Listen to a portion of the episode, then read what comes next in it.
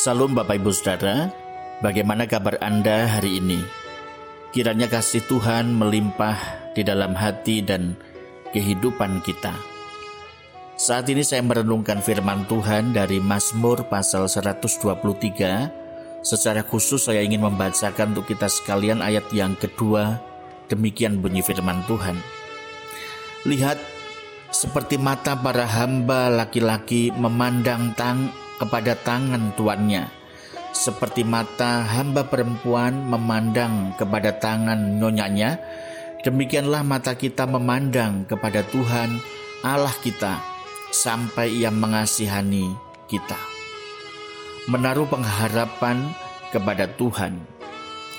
Saudara kita sering kali mendengar ungkapan ngarep.com. Tentunya ini bukan alamat email saudara tetapi sebuah ungkapan tentang menginginkan sesuatu yang rasanya sulit untuk diwujudkan. Waktu saya membaca Mazmur 123 ini, situasinya seperti orang yang menginginkan sesuatu dari pribadi yang agung dan mulia dan berkuasa, yaitu Allah yang berdaulat atas segala ciptaannya. Namun keinginan itu seperti tidak layak untuk mereka terima.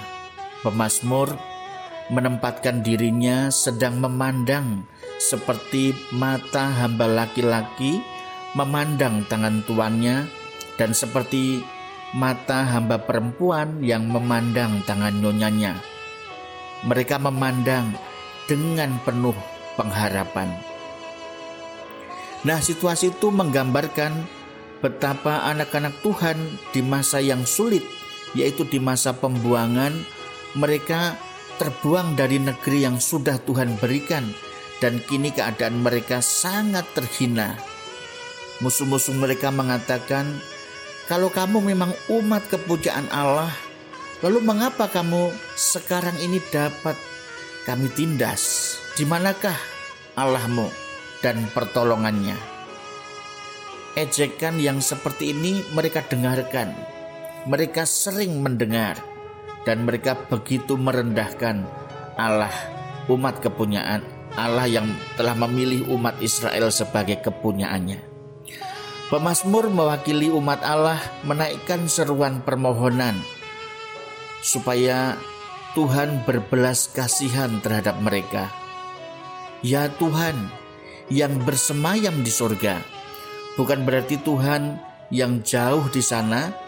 Ini justru Dia adalah Tuhan yang bertahta, artinya yang berdaulat atas segala ciptaan alam semesta ini.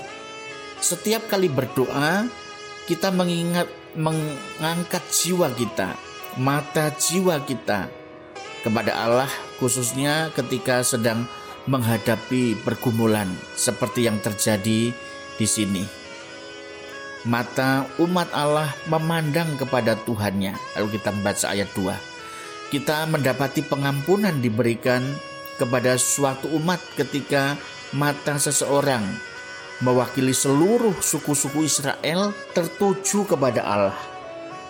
Mata jasmani tertuju kepada surga, kepada manusia dia mengangkat wajahnya untuk mengajarkan kita ke mana kita harus mengarahkan mata pikiran kita. Mata kita memandang kepada Tuhan, mata yang dipenuhi keinginan dan doa, tatapan yang memperlihatkan permohonan, serta mata yang menunjukkan ketergantungan, hasrat, dan pengharapan. Tatapan yang penuh kerinduan agar Tuhan menolong. Mata kita harus memandang kepada Allah yang adalah Tuhan dan Allah bagi kita sampai Ia mengasihani kita. Kita mengharapkan belas kasihan daripada Tuhan. Kita mengharap agar Dia mau memperlihatkan belas kasihannya, menunjukkannya dan menyatakannya kepada kita. Dan kita akan terus menantikan dia sampai belas kasihannya itu dicurahkan bagi kita. Nah maka pemazmur mengarahkan matanya kepada sang tuan seperti para pelayan laki-laki memandang tuan mereka dan seperti mata pelayan perempuan yang memandang tangan nyonyanya. Tentu di sini tangan itu bukan tangan yang menghukum, melainkan tangan yang memberikan jaminan, perlindungan, dan jaminan keselamatan. Itulah belas kasihan yang Tuhan nyatakan kepada umatnya, yang mengharapkan pertolongannya, sebab umatnya adalah milik kepunyaannya sendiri. Nah saudara, saat ini hal apakah yang menyesakkan dalam kehidupan Anda? Pergumulan sehari-hari, pekerjaan, keuangan, kesehatan, atau hal-hal yang lain yang begitu membebani kehidupan Anda. Pandanglah kepada Tuhan, tangannya yang berkuasa. Taruhlah pengharapan seperti mata seorang pelayan yang mengharapkan kasih sayang Tuhan dicurahkan kepadanya.